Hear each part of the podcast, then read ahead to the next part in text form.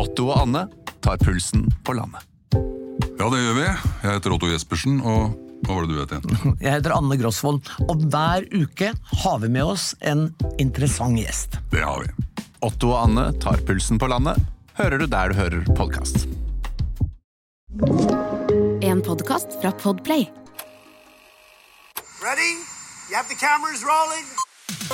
He was hosting boozy parties in Downing Street. Well, when the president does it, that means that it is not illegal. I have a dream. We will win this election and we will change the country together. But I caution this while you feel that rage, don't be consumed by it. Velkommen. Velkommen. Mitt navn er Sofie Høgstøl, Og mitt navn er Eirik Bergesen. og dette er vårt nokså uhøytidelige, veldig personlige forsøk på å gå bak ukas nyheter, lete etter sammenhenger, si noe om framtiden, på jakt etter det store bildet, slik vi ser det. Hver fredag. Det er fredag, men i dag spiller vi ikke inn på en fredag. Jeg tror det er kanskje viktig å begynne der. Ja, vi vi, jeg tror nesten eh, vi må begynne der. Eh, torsdag morgen. Det er riktignok bare én dag før, men én dag eh, i verden i dag, det er mye. Er det mye som kan skje? Eh, og mye kan skje, og, og jeg, jeg tror nok dessverre at mye kommer til å skje. Eh, men vi, vi Vi gjør det på den måten her, blant annet fordi vi har en veldig god gjest. Eh, som vi Vi, vi trengte at før. dette, her er såpass komplekst at vi nok en gang trengte tung kompetanse inn i studio. Og bare for å ta tak i det med kompleksiteten, um, verken um, nå, sist, neste gang, eller kanskje hvis du regner mange uker fram i tid, vil vi klare å, å um, oppfylle den kompleksiteten. Vi vil aldri kunne uh, fange alle nyansene vi ønsker å fange, vi aldri, uh, eller formidle det. eh, Eller det vil bli heller ikke hørt på den måten vi ønsker. Eh, Sånn er spesielt denne konflikten. Eh, Vi skal selvfølgelig snakke om Israel-Palestina. Um, så bare igjen, med all ydmykhet, så bredder vi ut uke for uke, og så kommer vi aldri i mål. Men, men dette er nok et forsøk på det. Og i dag har vi jo en returning guest, en friend of the pod, som eh, tross at hun har vært på alle flater og skjermer de siste to ukene, tok tid til å komme i dag tidlig. Marte Heian eh, Engdahl, tusen takk for at du kom. Eh, jeg føler jo at det ikke er så lenge siden jeg så det, for vi eh, reiste til, vi var på mm, et arrangement i Trondheim i sommer. Adresseavisen hadde Olsok, eh, og vi snakket om demokrati og tillit, eh, som var veldig fint. Um, men da eh, tenkte på det hele, jeg tenkte på hele uken at eh, når, vi, når vi var der, så, så snakket vi litt om hva vi jobbet med, og prosjektene våre, og da sa du at du er jo i utgangspunktet eh, nestleder i Noref. Um, og jobber jo med fredsarbeid aktivt, men at du skulle skrive på bokprosjekt i høst uh, om hverdagslivet i Gaza. Jeg tenkte det høres jo kjempespennende ut. Um, og, og jeg tenkte vi kunne ta litt utgangspunkt i det. Hvordan, for du, du, du er jo eh, du er forsker. Du, er, du er forsker og du jobber med fredsarbeid, og du har en doktorgrad i eh, internasjonal historie, eh, hvor du har et fokus på, har hatt et fokus på Israel, Palestina, Midtøsten, hele karrieren din. Um, hvordan har den siste uken vært for deg? Helt siden jeg våkna tidlig 7. oktober av at eh, ja, eh, Signal-appen, den meldingstjenesten, eh, dirra, eh, så føler jeg at det har vært en slags eh, unntakstilstand. Eh, eh, beredskap på et vis. Jeg føler at jeg Jeg skjønte med en gang da at at alt blir annerledes. Det, måten det angrepet ble gjort på, skalaen, eh, bestialiteten, det groteske ved det, det at eh, Hamas greide å planlegge og øve og gjennomføre det her uten å bli stoppa. Jeg bare følte med en gang at det her endrer spillereglene, for å bruke et sånt uttrykk. Selv for Eh. noen som deg som har fulgt konflikten så tett i så mange år, så tenkte du med en gang at dette her, er- dette her kommer til å være et endringselement. Ja, og jeg tenkte det fordi jeg, jeg, da hadde jeg vært i Gaza en måned Da hadde kommet ut for akkurat en måned siden, da 7. oktober. Da, I september så dro jeg ut derfra, da hadde jeg vært der i ni dager. Um, og da, da venta vi på en måte på krigen um, hele tida. Da sa folk sånn Nei, vi burde jo ta det møtet her i dag. Mm. Fordi tenk hvis krigen kommer i natt, liksom. Da, da rekker ikke vi det. Sånn veldig sånn praktisk eh, tilnærming eh, til Ja, det forteller jo veldig mye om det å leve i sånn type eh, ikke krig, ikke fred-tilstand, mm. som jeg tenker er litt underkommunisert, kanskje, i nyhetsdekninga for øvrig. Men Så da hadde jeg jo eh, tenkt gjennom eh, det jeg trodde skulle skje. Eh, så jeg hadde en forventning til et mønster, på en måte, et Mm. sånn eskaleringsmønster. Eh, fra israelsk side så var det sagt høyt og tydelig fra politisk ledelse at uh, nå eh, er vi i ferd med å endre uh, rules of engagement, som de kaller det, altså liksom tilnærmingsmåten til Hamas på Gazastripa. Og de har sagt at det var aktuelt igjen å ta i bruk målretta henrettelser også av Hamas-ledelsen. Uh, da har, da har vi noen år bak oss nå der det har vært egentlig palestinsk islamsk jihad, hellig, islamsk hellig krig, eh, som har vært på en måte mest i sånn varm konflikt med Israel. Eh, Hamas svarte på det retoriske utspillet, eh, eller trusselen, kan man vel kanskje kalle det, eh, med å si eh, 'bare kom'. Eh, liksom det kommer det en runde til med eskalering nå, så kommer ikke vi til å sitte på sidelinja lenger, sånn som de da har gjort i noen år nå. Så derfor så var jeg forberedt på en måte det jeg tenkte da skulle skje, med eventuelt når jeg var inn, eller når jeg skulle reise tilbake. Da skulle jeg egentlig reise tilbake tirsdagen etter. Mm. Du skulle egentlig vært der nå. Ja. Eh, og da Så da tenkte jeg på en måte at jeg At jeg Erfaringa mi tilsa at jeg klarte å forutse hvordan det her skulle foregå. Så jeg, da når det liksom kom et så eh, ut av denne verden type terrorangrep, så så skjønte jeg at jeg skjønner ingenting. Eller jeg følte det. Og, mm. og hvis jeg ikke kan skjønne det her Og ikke bare var det var ikke bare jeg som ikke skjønte det, eller ikke så det kom. um, liksom verdens, en av verdens skarpeste etterretningstjenester så ikke at det kom. Um, så da tenkte jeg This changes everything. Nå er det liksom Jeg syns det er veldig interessant det du sier nå for oss som, som ikke har den type kompetanse og bakkeforståelse, at du var der en måned før, altså september, da. Og eh, det er denne stemningen med at kanskje krigen kommer i morgen. Og det er konteksten, og det er en eskalering mellom Hamas og eh, israelske styrker, hvor man ser for seg en viss type opptrapping som man har sett før, eh, eller eskalering i voldsbruk. Eh, men like fullt med det som bakteppe, så fanger ikke israelsk etterretning opp dette angrepet. Det, jeg må jo anta at det vil ha store politiske konsekvenser etter hvert. Kanskje. Jeg tror um, det blir ikke tilstrekkelig med en oppvask her, tror jeg det blir skikkelig rundvask, for å si det sånn. Det er som Det er jo utilgivelig um, at det her kan skje. Eh, nå har eh, både forsvarsledelsen og etterretningsledelsen Shin Bet, det som er da innenriksetterretning som kanskje liksom vår PST, da, på et vis. Eh, på et vis, som jeg legger til. Eh, sagt at vi har ansvaret. Det her skjedde på vår vakt. Vi har ikke gjort jobben godt nok. Den eneste som til nå ikke har sagt de setningene, er statsministeren. Mm. Benjamin Netanyahu. Eh, så det er jo et eh, allerede et eh, enormt sinne som ligger like under det fernisset av enhet som nå israelerne har funnet for å stå sammen i krigen. Men under der så er det, det er ingen tvil om at det kommer en massiv etterforskning og kritikk av også politisk ledelse etterpå. Og det alltid dumt å, å vedde mot eh, Benjamin Netanyahu. Det viser hans politiske karriere med all mulig kraft. Men dette her syns jeg det er svært vanskelig å se for meg at han kan overleve politisk.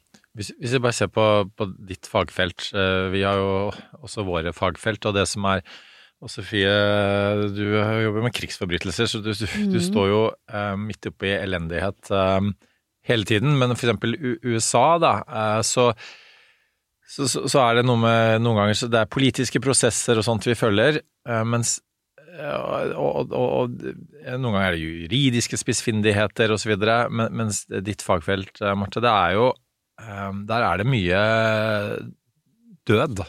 Og du har et svært nettverk av Og det, og det nettverket på begge sider er jo De er preget av dette her. De er i, i dødsrisiko. Ikke ikke minst nå, men, men, også før. Det er jo et helt spesielt fagfelt. Jeg har enorm respekt for kompleksiteten i det, men også for det, måte, det der, hvor måte, nært det blir da, um, for, for, for, deg og dere som jobber med dette feltet. Og, og, og nå også. Det er klart at det, det er vanskelig å, å, å, sitte på en måte og bare komme med teoretiske vurderinger og noe sånt. Det blir jo veldig personlig. Ja, det er eh, kjempekrevende, det skal være ærlig å si eh, og greie å liksom holde det analytiske delen av hodet sitt eh, klar, da, når eh, man får eh, det er jo ikke bare jeg som får lidelsen rett inn i feeden min nå.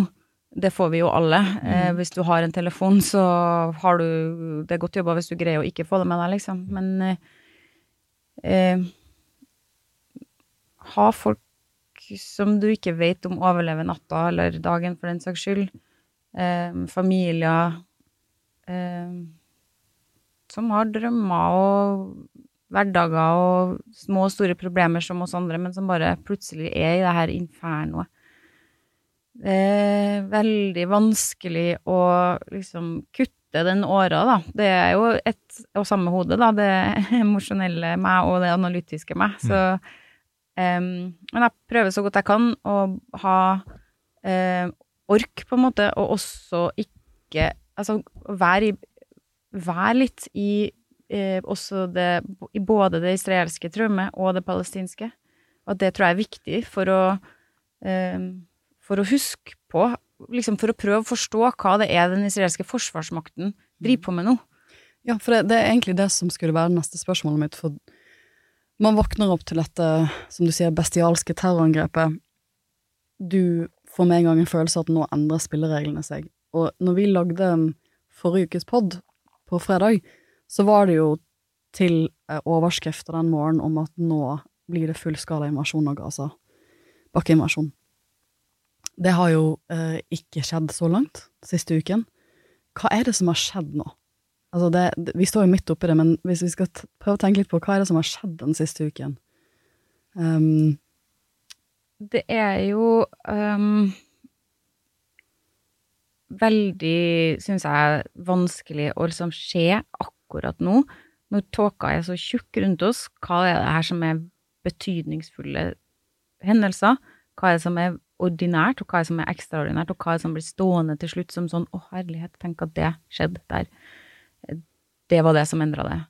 Um, det uh, forferdelige um, hendelsen eller ulykken eller angrepet eller eksplosjonen på Al-Ahli Arab Hospital i Gaza i Herregud, jeg går helt i surr, men er det hva det går? går Forgårs kveld? Forgårs kveld.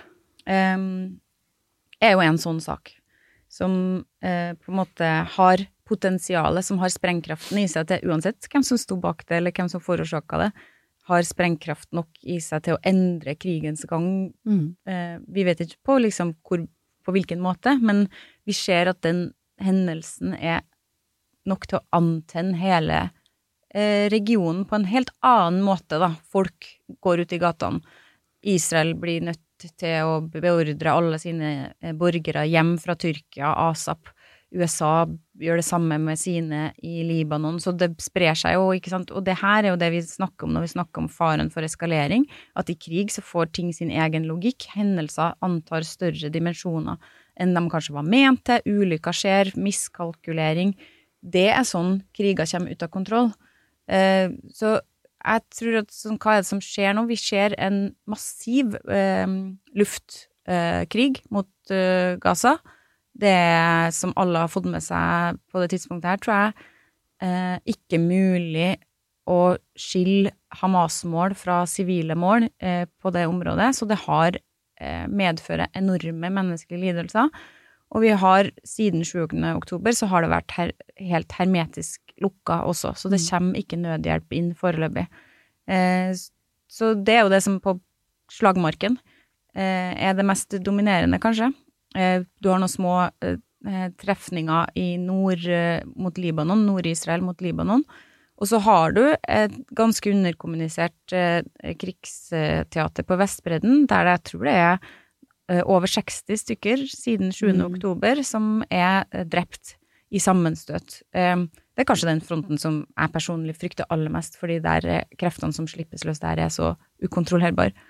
Så på det politiske så ser vi jo også at det er en stristrøm av verdensledere som reiser til Tel Aviv og til Jerusalem, og det er jo også ganske nytt. Hvis vi bare holder oss litt på dette med sykehuset, eh, som jo også var det som gjorde at, at Biden, som var på vei, ikke fikk treffe de arabiske lederne, fordi de, de trakk seg eh, fra det møtet. På en måte så virker det som det angrepet eh, er en liksom mikrokosmos på hele, hele konflikten, fordi eh, altså, man, man begge sider beskylder hverandre. Um, um, og et, et eh, stort utvalg av mulige uh, gjerningsorganisasjoner kan ha gjort det. Um, sosiale medier er veldig kjappe med å si hvem de tror uh, gjorde det. Um, man, man viser, har legger fram type sånn dokumentasjon igjen på begge sider som skal, skal tilsynelatende eh, bevise dette her. Eh, nærmest umulig for, for eh, noen som ikke har dyp innsikt i dette her, til å ha egentlig noe som helst anelse om hva dette innebærer eh, av bevisførsel. Um, eh, også, også, men at the end of the day så er det fortsatt 500 mennesker som er døde. Eh, så konflikten har uansett utløst dette. Eh, det er jo eh, og, um, og, og sannsynligvis så vil man kanskje aldri kanskje få vite hva som faktisk skjedde her. Hva- bare sånn, Hvis du skal bare snakke helt konkret om, om, om, den, hva, hva, hva, tenker, hva tenkte du om, om eh, Og tenker du nå om det som skjedde der? Jeg har tenkt at øhm, det kan godt hende at vi får vite at det øh, kommer en eller annen øh, uavhengig øhm, etterforskning Mm. eller Ja. øh, noe sånt, og at vi vil Men det jeg vet, er også at den kan være så uavhengig den vil, og så korrekt den vil, og vi vil uansett ha to forskjellige versjoner av sannheten. Eh, vi kommer aldri til å nå en konsensus eh, om hva som skjedde. Tvilen er sådd på begge sider, og harmen er, er total, ikke sant. Um, så at, for min del så har jeg egentlig tenkt at eh, kanskje analytisk ikke spiller Altså, det er jo selvfølgelig viktig å finne ut hva det var som skjedde. Det er viktig at de ansvarlige blir eh, holdt til ansvar for det. Men for forståelsen av konflikt, krigens videre gang, og for uh, hva det betyr for folk i Gaza, så er det egentlig sekundært av betydning. Så jeg tenkte at det, det derre eh, Nå tyter ut med forensic experts eh, av tapeten over hele fjøla, så er liksom folk eh, har jo skaffet seg stadig nye ekspertiseområder. Personlig har jeg tenkt at det der er noen som kan bedre enn meg. Det kaninhølet lærer jeg ingenting nedi. Jeg går en annen vei og prøver å liksom holde fokus på det som jeg, jeg syns er viktigere, da. Ja, nei, altså, jeg, jeg um, har jo fått en del telefoner denne uken om krigsforbrytelser, og det var jeg jo for så vidt forberedt for forrige uke. Det er jo litt av den fasen vi er inne i, hvem er ansvarlig for hva? Og jeg har egentlig sagt nei til å stille opp på alt det sa nei til Dagsnytt 18 i går. Til dels fordi jeg har en flinkere kollega i eh, Sigrid Redse Johansen, som er generaladvokat, og som er virkelig ekspert på Hun sitter og gjør disse vurderingene for Norge. Hva er en krigsforbrytelse, som hva er ikke en krigsforbrytelse? Jeg er det jeg er mest ekspert på, er hvordan internasjonal strafferett fungerer, eller at domstolene fungerer. Det er som en litt annen greie. Men det er også for meg litt sånn prinsipielt at jeg vet ikke hvor interessant det er at en internasjonal strafferettsforsker som sitter i Oslo, kommer med noen slags vurdering av hvem som er ansvarlig for hvilken krigsforbrytelser midt oppi en så uoversiktlig konflikt. Jeg, jeg, føler ikke at det, jeg føler ikke at det opplyser eh, eller forklarer så mye, eller gjør folk så mye klokere på konflikten. For som du sier, Marte, så er vi inne i en Det er en annen logikk som fester seg nå. Um, og alle skjønner jo, jeg tror de fleste skjønner hovedregelen i krig, som er å ikke gå etter sivile mål. Uh, og jeg, jeg tenker jo den diskusjonen man ofte ikke har når man koker ting ned til en sånn ren folkerettsdiskusjon av om man er innenfor eller utenfor krigens folkerett, så er det jo slik at det at man har lov til å gjøre noe etter krigens folkerett, betyr ikke at man burde gjøre noe etter krigens folkerett. Det betyr ikke at man burde bombe de målene. Det betyr ikke at man burde gå til de aksjonene. Det er ikke liksom det er ikke faste regler som fastsetter hva som er moralsk riktig og galt, det er mye videre regler enn det. Og det å gå inn i sånne spissfindige analyser om, om dette akkurat innenfor og utenfor på helt sviktende kunnskapsgrunnlag også, som vi rett og slett ikke har, det er ikke interessant. Og jeg, liksom, jeg har sett noen analyser som har vært litt sånn jo, partene syns det er viktig å liksom spre desinformasjon om hverandre nå om disse forbrytelsene, for det at Den internasjonale straffedomstolen kan etterforskes. tenker jeg sånn, Er det noen som bryr seg om Den internasjonale straffedomstolen akkurat nå, av partene? Sånn reelt sett, det kan du svare bedre på enn meg, men er det noen som virkelig altså, Det er jo litt ofte det som skjer, at inn i en sånn konfliktsituasjon, er min erfaring, da, så er det ikke det at partene liksom Å nei, jeg kan ende opp i liksom Av og til, men jeg tror mange parter er sånn Å nei, nei, nå kan jeg ende opp i Haag. Jeg gjør ikke dette. Man er jo liksom, man er jo Eller, eller for så vidt altså, norske personer som har reist for å delta i IS. Det er ikke mange som, som har vært sånn nei, nå kan jeg bli straffet for terror. Gjør, du er jo inne i en helt annet logisk, du er ikke inne i den type rasjonale hva som den internasjonale straffedomstolen vil ha å si om ti år, og hvem som kommer til å tro på det. Det er liksom, det, er det, det, er, det er ikke det som er viktig akkurat i den konflikten sånn som vi er nå, tror jeg dessverre. Men jeg vet ikke, altså, vet ikke hva du tenker. Bare et spørsmål videre der eh, til deg, mm. Sofie. Eh, jeg tror heller ikke, for å være litt brutal, at eh, Haag-konvensjonen ligger laminert i bunkersene til noen av sidene her. Men det, det jeg lurer på, eh, veldig, er én ting er å ikke gå etter sivile mål, mm. eh, men å gå etter militære mål du vet har eh, kan ha store ja. sivile tap. Hva, der, hva, er tenkningen rundt og det? Og der er jo de vanskelige vurderingene, ja. som fort er lovlig under krigens folkerett. Hvis du, hvis, du, eh, hvis du går etter et militært mål som medfører det man på pent engelsk vil si civilian casualties or collateral, er det ordet man ville brukt på engelsk, collateral, så er det ofte lovlig. Men disse spørsmålene egentlig til dere begge, da, i forlengelsen av det igjen. Um, gitt at Israel um, Jeg skjønner at nå er det fog of war uh, på mange måter, og, og, de vet åpenbart ikke heller um, helt hva som skjer på den andre siden, tross uh, all verden sånn ordspråk rundt at de kan høre en mygg uh, fly rundt på, på palestinsk side. De, de vet Altså og at det er mye retorikk på begge sider som handler om å skremme og, og avskrekke og, og, og, så videre. Og ikke minst det store traumet eh, man, man, har på den siden. Men, men altså på en måte der, de, det er altså graden av sivile tap. da. Man har en viss oversikt eh, over at ja, Hamas eh, kan, kan, bruke menneskelig skjold osv., og, og de, de blander seg i sivilbefolkningen. Men altså, er det en eller annen sånn grense, er det en eller annen sånn etisk, moralsk, politisk tenkning rundt hvor mange sivile som kan gå tapt hvis det er en eh, Hamas-leder, for å forenkle veldig, Hamas-leder i en bygning? Det er jo en proporsjonalitetsdiskusjon som mm. dukker opp uh, si, under og etter hver eneste sånn runde med eskalering. Um, som personlig så ikke er det mitt felt, og ikke er Altså, det er hva jeg prøver å Hva jeg er opptatt av, da, hva jeg tenker på når jeg skal prøve å forstå det her, er mye mer um, Ok. Si at det er rimelig, da. At det skal stryke med eh, 400 stykker. Ja. ja. Eller 4000. Altså tallene som jeg hører, det tilsvar, tilsier at de offisielle dødsstatistikken i Gaza er bare Altså, vi det er så, så lave tall vi ja. får ut, og det er så mye høyere. Eh, hvis du tenker på alle som ligger i ruinene et sted og ikke er telt opp ennå. Eh, så Men utgangspunktet mitt er ok, si at det er da, det er rimelig. Det, det er helt umulig for Israel å føre den krigen mot Hamas uten at det stryker med to, fire, seks, åtte, ti tusen palestinere. Hva vet jeg?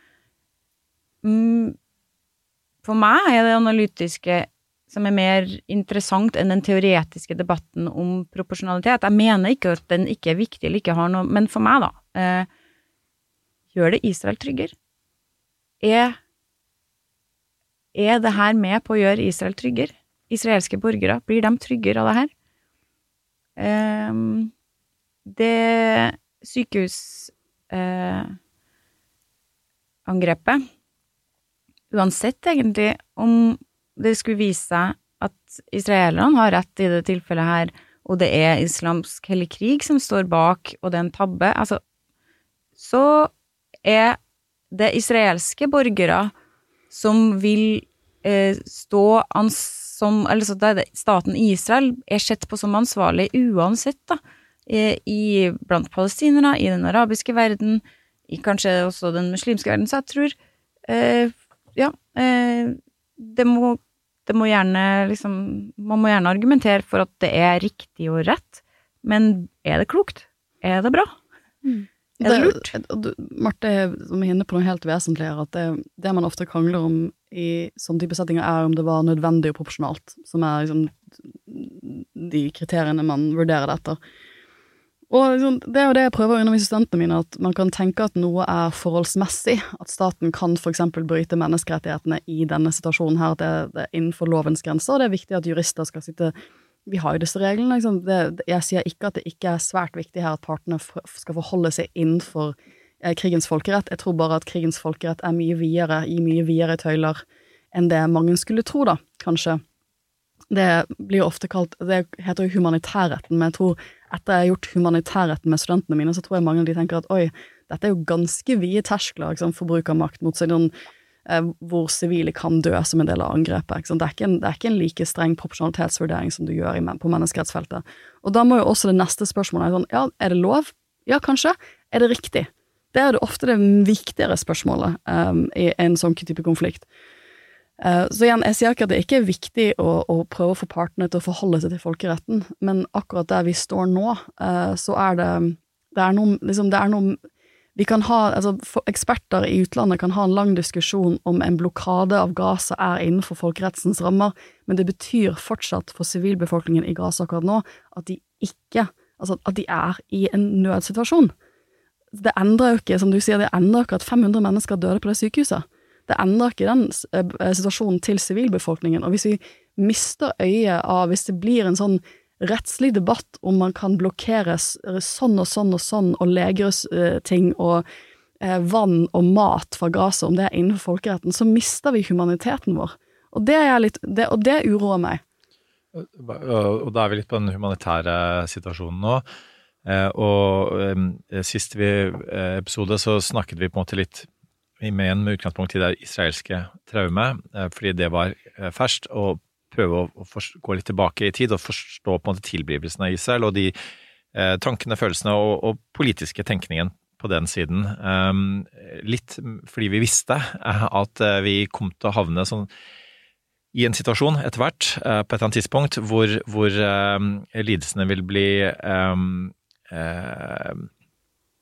tilsvarende forferdelige å følge eh, på den andre siden. Eh, og der er vi jo kanskje allerede nå, eh, samtidig som selvfølgelig også det er ferskt, de traumene, på, på israelsk side. Um, og så var en av de tingene jeg formidlet siste episode, var for når jeg har snakket mye med, med gamle UD-kolleger, og, og, og, gammel i to betydninger, men noen er pensjonerte og, og, kan snakke litt friere. Noen er heldigvis er med og snakker i media, noen tør ikke, vil ikke, og en av grunnene er at de føler at eh, hvis de sier det de egentlig mener, så havner, kommer de i problemer. Um, og det, det, må man ha respekt for, uh, for dette er et uh, veldig uh, um, ømtålig tema, som alle vet. og noen av de var med å lage Oslo-avtalen. men, men, det som også formidlet jeg sist, at som er, høres ut som en veldig sånn kynisk vurdering, men, men som, som, jeg fikk, om at Israel vil ikke ha et folkemord på sine hender. De vil på en måte ikke strupe sivilbefolkningen på en måte som gjør at, at, at folk altså sulter i hjel, i, i, realiteten. Um, og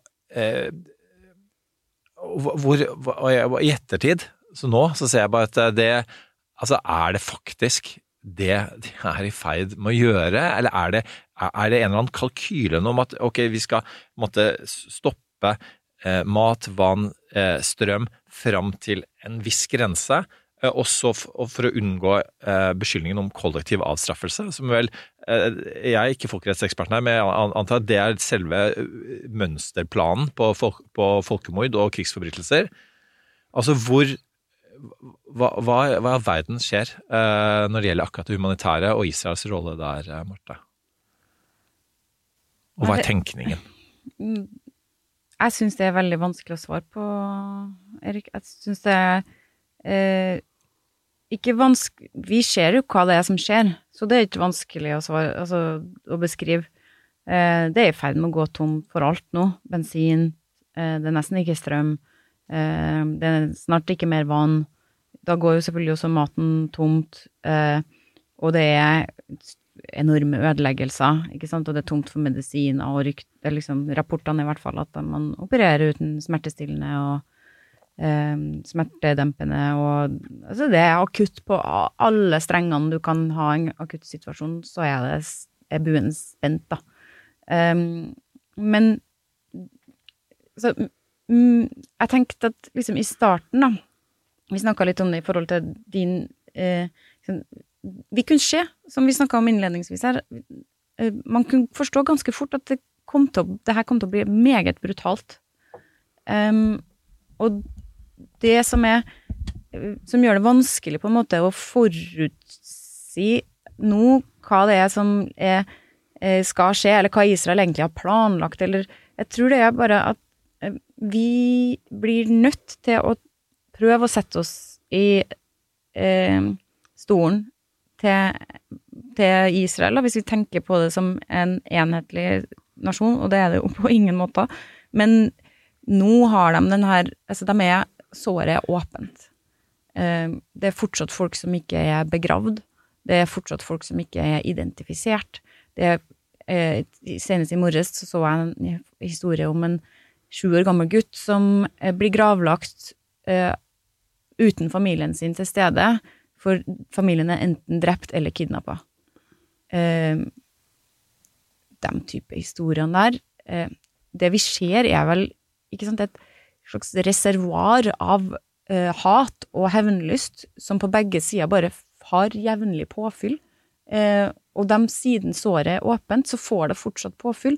Så jeg tror det har Og jeg mener bestemt at hvis vi liksom eh, ser på USAs eh, diplomatiske forsøk på å prøve å være til stede i denne konflikten nå, så Blinken har vært der eh, i regionen seks dager eller noe, altså utenriksministeren. Eh, så kom til og med presidenten. Det er ikke hverdagskost eh, at han dukker opp der, særlig ikke i krig.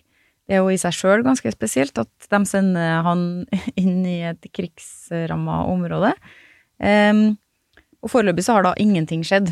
Så for meg forteller det eh, Kan hende jeg tar feil, men det forteller meg noe om eh, at den amerikanske innflytelsen på Israel ikke er det de amerikanerne håper. Og da lurer jeg på om hva det er slags dynamikker som er i spill i det israelske samfunnet og politikken, når eh, man ikke engang har greid å få til en stans eller en enighet. Nå er det liksom en enighet angivelig om noe innførsel av eh, noe nødhjelp, men det er med så mange betingelser at i realiteten så er det ingen enighet. Velkommen til Kjemperådet! Denne gangen har vi fått inn et kjempedilemma fra en familie. Jeg leser Hei, vi er litt uenige i familien her. Hvis du skulle vært et dyr, ville du hatt gjeller eller vinger? Oi, den er tricky. Ja, Hva ville dere hatt, da? Altså, jeg vet ikke, men med familierabatt får de ubegrenset data fra Telenor fra 399 kroner. Da kan de jo scrolle seg til svaret, rett og slett. Ja, ok, Men for min del Ja. gjeller. Nei, nei, nei, nei, vinger. Nei, nei, gjeller. Ja, okay, ja, kjempebra. Men eh, se nye mobilabonnement på telenor.no, da. Kronemarked hos Spar. Nå har vi en mengde varer til 10 og 20 kroner. Hele denne uka får du løbiff fra Folkets før 54,90, nå kun 20 kroner. I tillegg får du et utvalgt Vasa knekkebrød, før fra 16,90, nå bare 10 kroner. Alltid tilbud på noe godt. Hilsen oss i Spar. Det var jo morgener her, jeg tror det var kanskje tirsdag eller mandag, hvor man våknet opp til at nå uh, Associated Press uh, meldte at nå er det en eller annen avtale eh, om, uh, om at det ikke blir bakkeinvasjon, og at det blir at humanitær hjelp får komme frem til Gaza.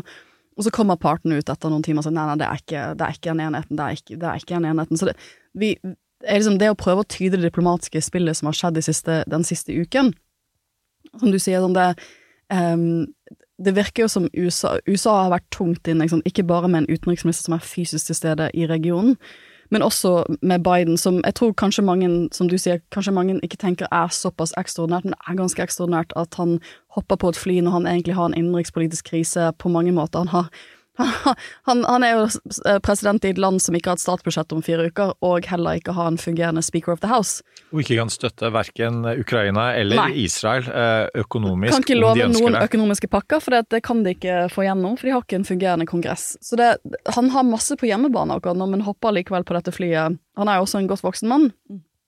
Eh, reiser like fullt ned eh, og gjør Og prøver å gjøre det han er flink på. Da var litt min analyse da jeg så talen hans i går, snakker om han, han har jo hatt så mange tap i eget liv, og det var jo litt det han prøvde å menneskeliggjøre.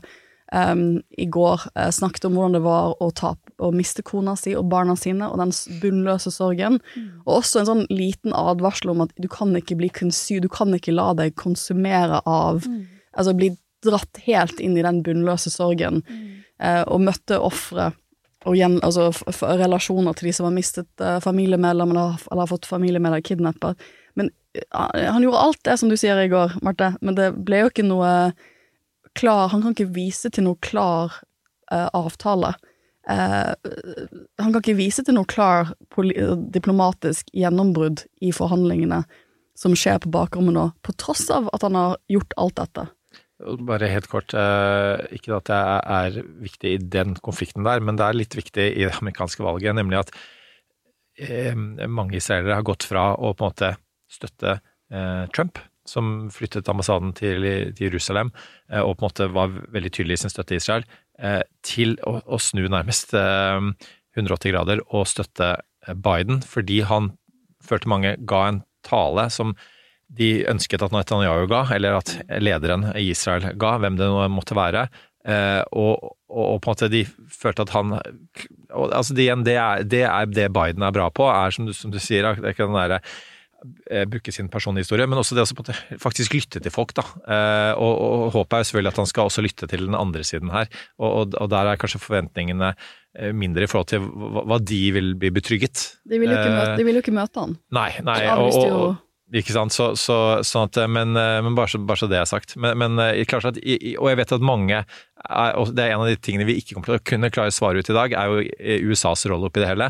Men, men mange er veldig interessert i det, våre lyttere. Og det er klart at USA har jo på en måte en sånn Eh, altså hvis du, på, hvis du ser på CNN nå, så, så er det tydelig hvor USA stiller seg. Hvis du ser på BBC, så er det er de ekstremt forsiktige, og det er veldig vanskelig å, å tolke hvor Storbritannia og Storbritannias regjering, til og med som er da på på høyresiden, Rishi stiller Sunak seg. er jo på vei til uh, Ja, og hvilke forventninger kan vi ha, ha til det? Uh, for at det, med, med, Vi snakket mye om det siste episode om, om eh, Storbritannias rolle i, i denne konflikten, eh, og den er jo historisk. Jeg kan bare legge til, jeg fikk en, en, en SMS fra en britisk eh, diplomat eh, eh, eh, venn, som skrev bare at eh, eh, det han klarte ikke å forestille seg at, at vi driver og lager episoder rundt dette her på TV og pod midt oppi det. Han skrev It is so sensitive, med ti ord. Eh, og så vet så eh, Det er jo nå jobben til media å prøve å formidle. Eh, sånn er det bare. Men, men det at diplomater òg på, på, på britisk side eh, altså, det, er, det er bare ekstremt sensitivt og vanskelig. Ja, det har på en måte eh, Det har alltid vært det, men nå Ja. har det liksom tatt en ny dimensjon da, av sensitivitet, og språket virker som et eh, Det er et minefelt vi alle sammen danser rundt. Jeg føler sjøl at jeg går på slakk line eh, dagen lang.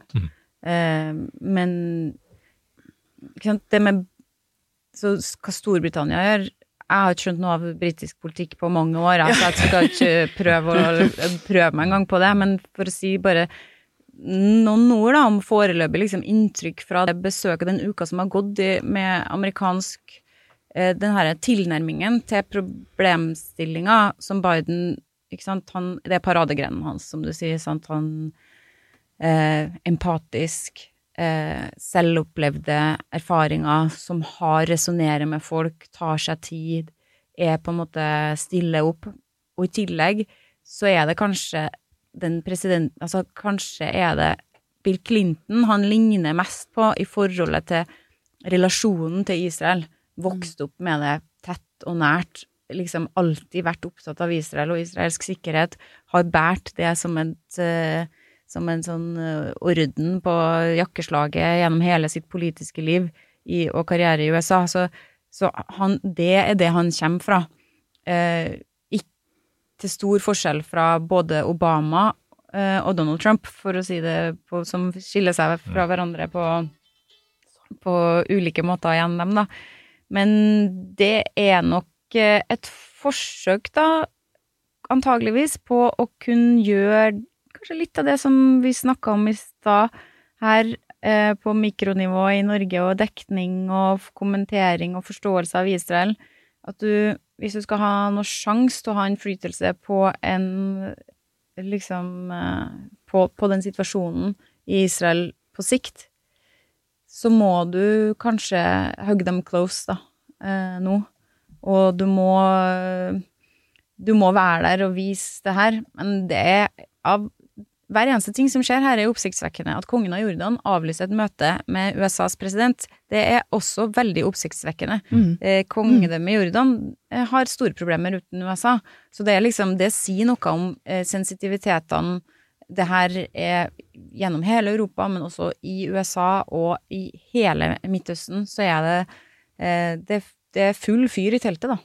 Ja, og det, det syns jeg også var veldig interessant, for det, det krever jo um, Jeg tror det krever en del ryggrad for at en eh, arabiske ledere bare skal avvise Biden som er fysisk til stede i regionen. Det er jo en fysisk sjanse til å møte han.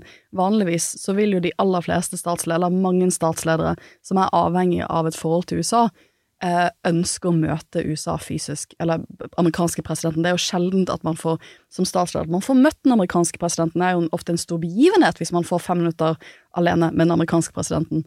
Men de ville, at han kommer helt til Midtøsten, ville ikke møte han. Og de hadde også avtaler med USA, altså enten det var Saudi eller det var Forente arabiske emirater, mm. Bahrain, eh, Marokko osv. Og den Saudi-avtalen var jo klar til å signeres nærmest, så, så det, de har jo en, Det- en tillit er- og, der ja. i bunnen også, til og med. Og det er jo et eller annet, så det, det er jo et eller annet som skjer her. og Jeg eh, syns det var sånn ganske slående å se bilder i går fra Dagsrevyen eh, på dette toppmøtet som skjer i Beijing, eh, hvor eh, Kina har samlet eh, veldig mange, altså 130 land, eh, for å feire tiårsjubileet som et sånt stort infrastrukturøkonomiprosjekt de har, som heter Belt Road Initiative. For å liksom sy sammen eh, infrastrukturen i sånn stort, stort landområde. Og der var Putin, det var Putin som fikk mest oppmerksomhet.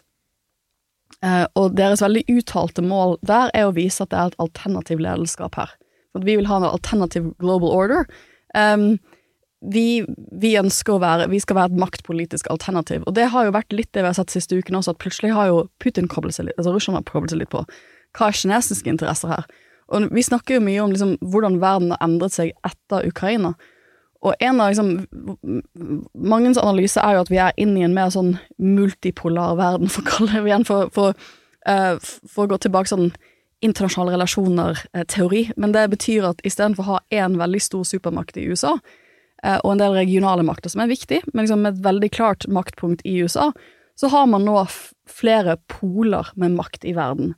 Og det gjør verden kanskje mer rettferdig på noen måter, men det gjør også verden eh, Det gir et større tilløp til konflikt, for det betyr at det er, du har ikke en supermakt som kan fly inn for Air Force One og bare 'nå gjør vi sånn, sånn og sånn og sånn', og liksom 'nå finner vi en løsning her'. Og det er jo litt, sånn, det er litt det vi også har sett utspille seg denne uken her, at det er ikke den samme verden som verden var for ti år siden. Og det påvirker jo det diplomatiske handlingsrommet til å finne gode løsninger denne uken her, som er interessant å se på, men også sånn eh, Ikke det at USA nødvendigvis ville funnet de beste løsningene her, men, men det, da mangler du litt en at de ikke har hatt veldig lang tid på å faktisk prøve å ja, ikke sant? Eh, det, er jo ikke, det er jo ikke det at USA ville vært en, en eller annen reddende engel uansett, eller liksom at det men, men det er i alle fall det at du mangler liksom aktør, en aktør som kan samle og forplikte til visse typer diplomatiske forhandlinger i dette komplekse bildet nå. For det at hvis du går tilbake, jeg syns det er så viktig å gå tilbake til perspektivet fra bakken, da. Marte, så er det, det er snakk om en stor sivilbefolkning i Gaza. De fleste av de er barn. De er veldig unge, som er i humanitær nød. De trenger at de korridorene, de trenger at det åpner seg forsyninger til Gaza. De har ikke en uke å vente på den type diplomatiske løsninger for øyeblikket. Og da er det litt vondt å se at de internasjonale foraene vi har for å prøve å finne sånne løsninger, står fastlåst akkurat nå. Ja, det er da man som eh, får problemer med at det er eh, på en måte teoretisk og analytisk interessant at verden også i denne, det her tilfellet antageligvis nå kommer til å bare skli av grunnen mellom oss og dem, bare blir større. Ehm, og som du sa, ikke sant uh, Vi trenger kanskje ikke noe mer konkret eksempel enn at uh, USAs utenriksminister sitter og venter på den saudiske kronprinsen i seks timer til å eksemplifisere uh, liksom dalende amerikansk innflytelse i regionen. Um, For andre gang. ja, så det er jo en egen greie, da. Eh, men som du sier, det? Hvis vi legger vekk det, så, så er det ikke, det er ikke lek, det er ikke teori, det er virkelighet. det Det er liv og død um, for én million unger Uh, og foreldrene deres og besteforeldrene deres. Og jeg tror um, det er veldig viktig at vi etter hvert også prøver å forstå vi, forst- vi, sant? vi, vi anstrenger oss. Eh, nå snakker jeg vi med et slags håp her, så kanskje jeg snakker for meg sjøl. Jeg anstrenger meg også sant? for å prøve å forstå det som skjer i Israel nå. Så tenker jeg at det er nyttigst å ikke stoppe liksom start eh, regninga si i 1948 når staten ble etablert. Det er en jødisk lidelseshistorie og jødisk traume eh, som, som er mye lenger, ikke sant? At det, det er noen lengre historiske linjer vi må ha med oss for å forstå følelsen av å være et utsatt, sårbart og forfulgt folk eh, som ikke finnes, finner trygghet noe sted. Det, det er uholdbart, ikke sant? Det, man får helt grøsninger på tanken. Men for palestinerne i Gaza nå, beskjeden, ordren om å eh, flytte seg, evakuere seg sjøl fra Nord-Gaza til Sør-Gaza Jeg må si det er bare konseptet i seg sjøl er helt Det er science fiction. Eh, jeg tror ikke folk fatter helt hvor fullt det er overalt fra før, liksom. Um, Ja, hvor skal man gjemmes? Altså, Nei, det er ikke bomberom, det, er ikke det er på infrastruktur. måte- det, det er sånn på bildene som israelske forsvaret sender ut, og de flyers og sånn, så er det liksom en sånn det er sånn, sånn tegneserie, liksom. Sånn pilen peker i den retningen. Bare exit there, liksom. Men det er ikke noe Ikke er det trygt å bevege seg. Ikke er det trygt å dra dit i sør. Det er ikke som at det er våpenhvile eller eh, ikke krigshandlinger i Sør-Gaza. Eh, så for palestinerne, da, så er det viktig, tror jeg, at vi etter hvert også anerkjenner og bruker litt tid og dveler ved hva det her er slags historisk traume for dem. Mm. 1,8 millioner av innbyggerne på Gazastripa er, er flyktninger. De er registrerte flyktninger. De bærer med seg flukten fra 1948. Det er i liksom DNA-et. Og det er det som er den dype tragedien med de to folkene her, er jo at hvert år når Israel feirer sin uavhengighet, så er det samme på en måte merkedagen um, for den palestinske katastrofen. Og den fordrivelsen av palestinerne i 1948, det er det som kommer opp nå når de sier ikke sant, bokstavelig talt. 'over my dead body', at jeg flytter på meg nå. Eh, hvis jeg skal dø, og det virker det som jeg skal, så skal jeg dø i mitt eget hjemland. Jeg skal ikke drives på flukt, sånn som mine besteforeldre eh, eller eh, foreldre. Det, det skjer ikke. Eh, så eh, den store, store frykten her er for dem eh, at det starter med Nord-Gaza, eh, og så videre For meg, jeg klarer ikke helt å se for meg hvordan det konseptuelt, eller sånn praktisk talt, skal gå an at den befolkningsmassen skal befinne seg på halve området fra før av. Så ja, jeg skjønner det bare ikke. For det er så Eh, lite, sånn geografisk. Det er så trangt og så lite at du Nei, jeg, kan ikke forstå det. Jeg bare Min hjernekapasitet strekker ikke seg lenger enn det. Eh, så frykten er jo at man Men at man deretter skal sk- skli på en måte, bli trygt videre da, ut i Sinai, til Egypt, og havne liksom tilbake på nullpunktet, da, i teltleira i Egypt. Og det er jo selvfølgelig også det som Kairo eh, frykter. Eh, og, og, det er eh, Det er viktig for å forstå motstanden mot å bevege seg, eh, sånn at den ordren om evakuering, det, det, det, blir sett på som Det er noe mer enn bare at det er en fornærmelse. Eh, sånn eh, at, liksom, at, det skal liksom være trygghet i den, i den ordren, at du får et varsel, eller at du får liksom Men det er en historisk urett da, som, som kommer opp med den. Så det, det, tror jeg er veldig, veldig viktig å anerkjenne og ha med seg. Og dette fikk vi ikke snakket om forrige uke, for det var jo forrige uke så det vi spilte inn, kom jo denne evakueringsordren. Altså, hva var de praktiske konsekvensene, hvordan det ser, altså hvordan det kan, om det er praktisk mulig, ikke sant. Og det syns jeg er veldig viktig det du sier nå, det perspektivet at man har jo sett Egypt siste uken ikke ønske å åpne grensene sine, ikke sant? fordi de har historisk bakteppe på at de ikke ønsker store flyktningleirer fra Palestina.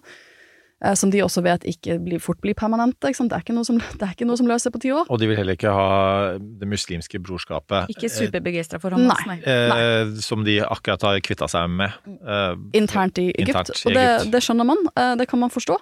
Eh, og så som du sier, jeg tror det er utrolig viktig å forstå eh, partenes utgangspunkt, og ikke minst det at vi, vi, vi, jeg føler at vi fikk ikke poengtert det nok, men hvor stor del av Gaza som er vi snakker om en stor, altså en stor sivilbefolkning som er gjennomsnittsmessig veldig unge. Det, jeg tror det er alltid sånn Halvparten under 19 eh, år, er det det? Ja.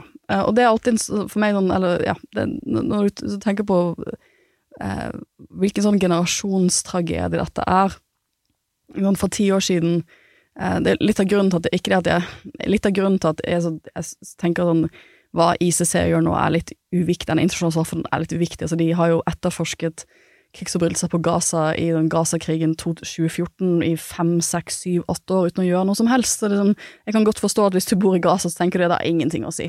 Liksom, for partene som kriger nå, har ingenting å si. De har ikke engang begynt med tiltaler for det som skjedde i 2014 engang. Men jeg husker at jeg var med på, på og demonstrerte i 2014 eller for, for markeringa for Gaza i 2014, og tok med lillebroren min, som på det tidspunktet Han er 21 nå, så han var vel 11 da, tror jeg, en av de første sånn, protestene, liksom, den type han var med på. Men jeg tenker jo på 11-åringene i Gaza liksom, da. De er 21 nå, og på barn som er altså, Hvis du tenker at befolkningen er så stor del av befolkningen er under 18, så var de fleste eh, De som knapt er myndige nå, da, som er gjennomsnittsalderen, de var jo barn-barn da. Eh, de har ingen ansvar for det som skjer. De har ingen ansvar, ingen mulighet til å påvirke noe av det som skjer nå. Eh, og nok en gang, ingen mulighet til å påvirke Um, og deres barn kommer ikke til å ta noe det er den, det, vi, jeg føler at man, man, må prøve å ha noen røde tråder her, og en av de røde trådene er at man kan ikke arve Det kan ikke være noen arvesynder her. Man kan ikke som barn arve ansvaret for alt det som har skjedd i konflikten før det. Og for de fleste i Gaza så har de ikke vært mindre, de har ikke vært med på noen av de beslutningsprosessene. Og det, det syns jeg det, det, det, er bare sånn moralsk utgangspunkt for hvordan man da ivaretar en sånn type sivilbefolkning. Og som du sier, Marte, den praktiske muligheten. For jeg tror ganske Det er helt forståelig å sitte liksom, i Oslo eller i Norge og tenke sånn Jo, jo, men man kan jo flytte til Egypt, la oss få til noe med Egypt. Hvorfor man ikke ønsker liksom, Akkurat hvorfor man ikke føler at det er i det hele tatt en mulig, eh, gitt den historiske konteksten man er født inn i, å forflytte seg ut ifra Eh, et sted man allerede egentlig er en generasjonsflyktning innad i. Et, et sånt spørsmål som eh, når det gjelder den eh, sivilbefolkningen på Gaza, uh, som, som hvor åpenbart Israel har et ansvar nå. Men hvis du ser på ansvaret til Hamas Den aksjonen de begikk, som, som enkelte vi snakket litt om i forrige episode, Eh, etterretningsfolk har kalt uh, a catastrophic success, i den forstand at de, de, de hadde aldri trodd at de, skulle på en måte At israelske etterretning og, og, motstand var såpass svak at man da plutselig var man 20-30 km inn i landet og, og, havnet i situasjonen man kanskje ikke engang hadde planlagt. og, og, og Hamas-ledere andre steder i verden, sies det, ikke visste eh, eh verken at det skulle skje, eller eh, hvor omfattende det kom til å bli. Um, eh, men på et eller annet nivå så visste de jo at svaret ville bli beinhardt. at svaret ville innebære at den palestinske sivilbefolkningen på, på Gaza ville bli rammet på en måte eh, som Altså, det, det, ville, det ville aldri være aktuelt at, at Israel ikke eh, prøvde å demilitarisere Hamas. Um, igjen altså bare sånn moralsk, etisk Hva, hva er tenkningen rundt, rundt det? På palestinsk side. Før eh, 7. oktober så trengte du ikke å snakke veldig lenge med folk du akkurat møtte i Gaza, uten at det liksom bobla opp noe misnøye med eh, de faktiske myndighetene, altså Hamas. Ja, for det, det var vi heller ikke innom på podden forrige uke, forholdet mellom Gaza og Hamas. Hva, hva er liksom, hva er dette politiske forholdet de er i? Nei, altså, eh, Hamas eh, vant jo valget eh, og tok makta eh, i 2007. Altså, vant valg, valg, altså eh, og, og eh, 2006. 2007, da isoleres de fra verden. Ingen anerkjenner det, utenom Norge, eh, det valget. Kanskje Sveits òg. Um, eh, og blir da Da starter fysiske blokaden. Eh, den har jo bølger og, eh, og fjelltopper, den òg, på en måte. Det er liksom opp og ned. Eh, Så den er ikke den samme, den er ikke heller statisk, den situasjonen. Men det er i alle fall, for alle praktiske formål, da, en fysisk blokade og en politisk isolasjon av Hamas. Eh, Det gjør jo selvfølgelig at det er mm, ekstremt vanskelig, for ikke å si umulig, å styre eh, i et område eh, som er eh, ha, der du ikke kontrollerer varer, folk og tjenester inn og ut, liksom. Du, du har For, for det gjør israelske myndigheter gjennom blokaden. ja. Og så har det vært, eh, også siden den gang, en eh, dyp og alvorlig eh, palestinsk politisk splittelse som har dramatiske konsekvenser for sivilbefolkningen også. Så det er jo eh, liksom når man er over Og det er mellom Fata? det er mellom Fata-partiet, eh, som da er liksom dominerer palestinske selvstyremyndighetene på Vestbredden, og Hamas, som er den dominerende makten i Gaza. Og hva er relasjonen, det var noen som spurte, en lytter, men jeg tenkte det kan ikke jeg svare på, hva er relasjonen mellom de palestinske selvstyremyndighetene, Abbas og Hamas? Nei, nå er det jo Det er jo en eh, ikke forsont mellom for, Presidenten Abbas er jo leder også for Fatah, partiet, mm. og de har da en eh, prøvd mange ganger i de siste Hva blir det, da? 15 årene, eller noe? Eh, å finne en enhet, palestinsk enhet. Ikke klart det. Og har også eh, Altså, mye blod har blitt spilt mellom palestinerne også, særlig i Gaza. Det har også vært Mm. åstedet for det. Så det er jo liksom Gaza her er jo på en måte utspringet for så mange dårlige ting, ikke sant, og, og åsted for så mange alvorlige katastrofer for palestinerne. Så, så når vi er overraska over Hamas eh, angrepet 7. oktober, så er ikke vi overraska over viljen til vold. Det er veldig viktig og liksom Det er jo ikke det som eh, som er Det er jo uttalt, på en måte, og, og vist mange ganger før. Så, så jeg, tror det er ikke noe Så poenget mitt er egentlig at eh, Og, og det, det kom Den viljen, altså den måten å styre Gaza på, da, er også ganske brutal, sant. Så det, derfor var det også det både masse korrupsjonsanklager, ineffektivitet, mangel på styring og kontroll, eh, hard hånd, ikke, eller for ikke å si brutal hånd med sine egne, osv., osv., som gjorde at hvis du dro dit før 6. oktober, så ville du få ganske fort eh, indikasjoner på at vanlige folk er drittlei av hele situasjonen, inkludert Hamas. Nå er det jo på samme måte, kanskje, da, på et vis, som israelerne nå forener seg i én front. Det skjer det samme, da, em, på palestinsk side. Eh, ikke at jeg hører mange som ringer meg og sier sånn ja, det var fantastisk bra jobba av Hamas, eh, det der heide vi skikkelig på, men bare fordi reaksjonen er så svær og brutal som den er, så er det umulig også for palestinerne som ikke syns noe om Hamas før, å ikke fokusere all vreden sin mot dem som faktisk dreper dem, da, eh, nå, eh, nemlig israelske forsvaret. Så eh, jeg tror på en måte at det det er palestinsk politikk, som de fleste andre politiske, innenrikspolitiske scener, er komplisert, mangfoldig, har masse liksom personkonflikter, partikonflikter, gruppedynamikker, historiske ting, nye ting eh, som skjer hele tida, det Så det er viktig at vi ikke prøver å forflate den sida heller, ikke sant. Det, det også der er det masse nyanser. Um, vi, vi, må avrunde, for du, du og du har, eh, du har, telefonen din, i motsetning til oss, snudd, sånn at du kan følge med på den. Fordi du kan når som helst uh, bli, bli kalt inn i uh, med kriselignende situasjoner. Um, uh, så, så, og du må gå, Marte. Og du har viktigere ting å gjøre.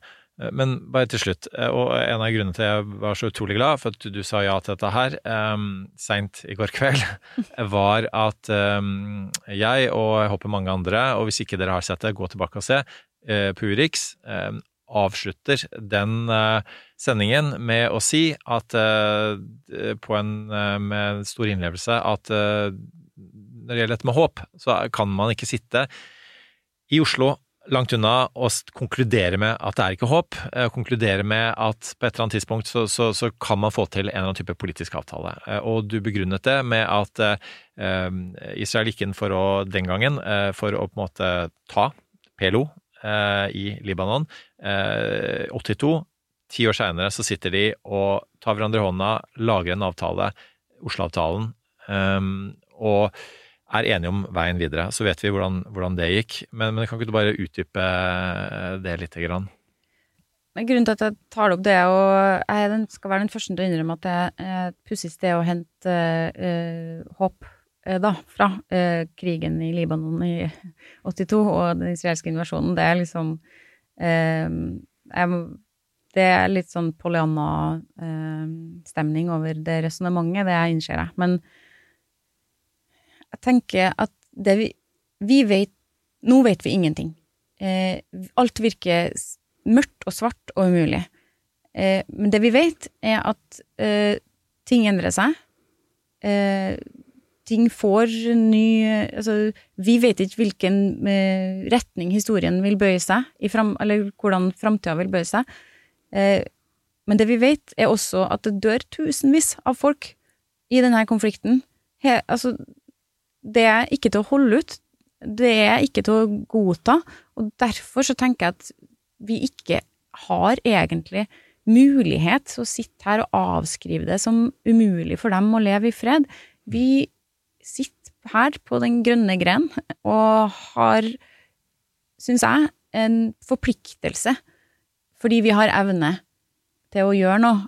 Eh, og da syns jeg at det er eh, jeg forstår hvorfor folk syns det her virker helt håpløst, og man har lyst til å bare skru av både TV-en og radioen og nyhetsfeeden sin, men det her angår oss.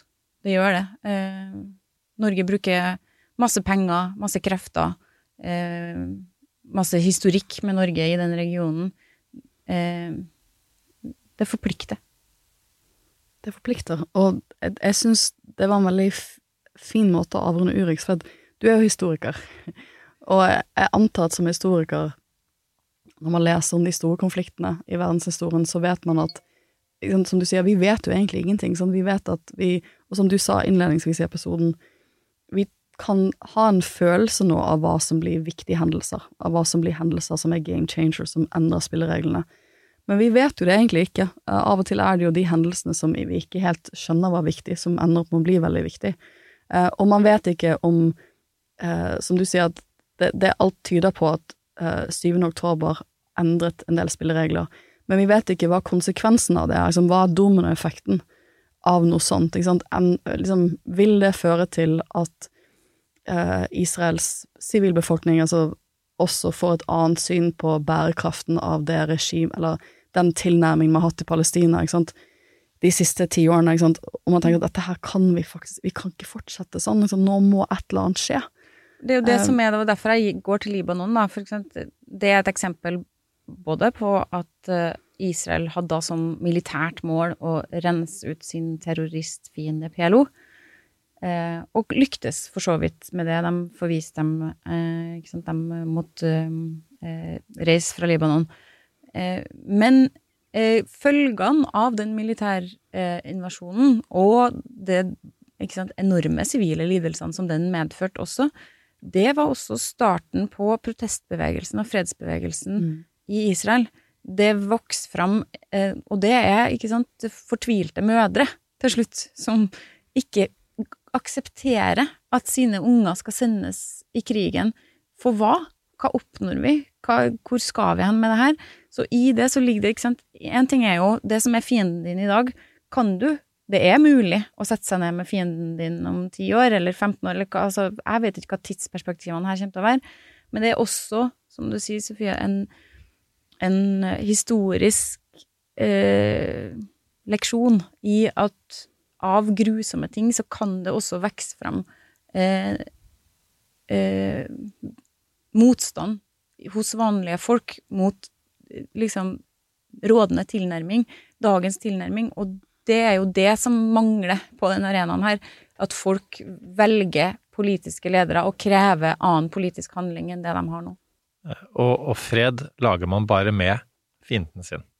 Og, og vi har sett uh, um, uh, Midtøsten nå, uh, og vi så Ukraina, at krigen kom tilsynelatende uten forvarsel. Det vil si altså de mest brutale angrepene nå, invasjonen i, i um, i Ukraina og, det som nå har skjedd, uh, Israel-Palestina.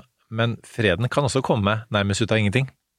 Freden kan, om det, er uh, Good Friday-avtalen i, i, i, Irland, eh, Nord-Irland, eller, eller, det er ting som har skjedd i Bosnia, det kan komme nærmest ut av intet, og man lurer på hvor all verdens slags kreativitet som har, har, blitt satt i gang her. Men det, det, handler om den viljen, som du sier. En, en, altså du kan, man, kan ikke, man kan ikke eh, håp forsvinner når folk slutter å prøve, eh, og, slutter å tenke kreativt rundt eh, mulighetene her. Eh, og, og, 30 år tilbake så var det mange på norsk side som gjorde det, og, jeg vet at, at de, eh, uansett hvor, hvor, fortvilte de er der de sitter, så, så, så, så har ikke de mistet håpet, de, de jeg snakker med eh, fra, fra UD-siden, og, det syns jeg vi alle med en gang man mister håpet, så, slutter man å, å tenke rundt løsninger, og det kan man ikke gjøre det, det, har ikke fått mye oppmerksomhet i norsk presse, men i går så var det en, eh, en protest i, um, i, Kongressen i USA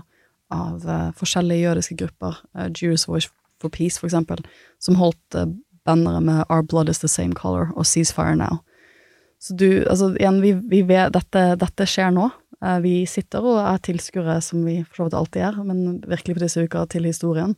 Og så må man håpe at noen av de dominobrikkene som er i spill nå, kanskje vil gi en endret situasjon for den situasjonen som har vært de siste 10-20 årene.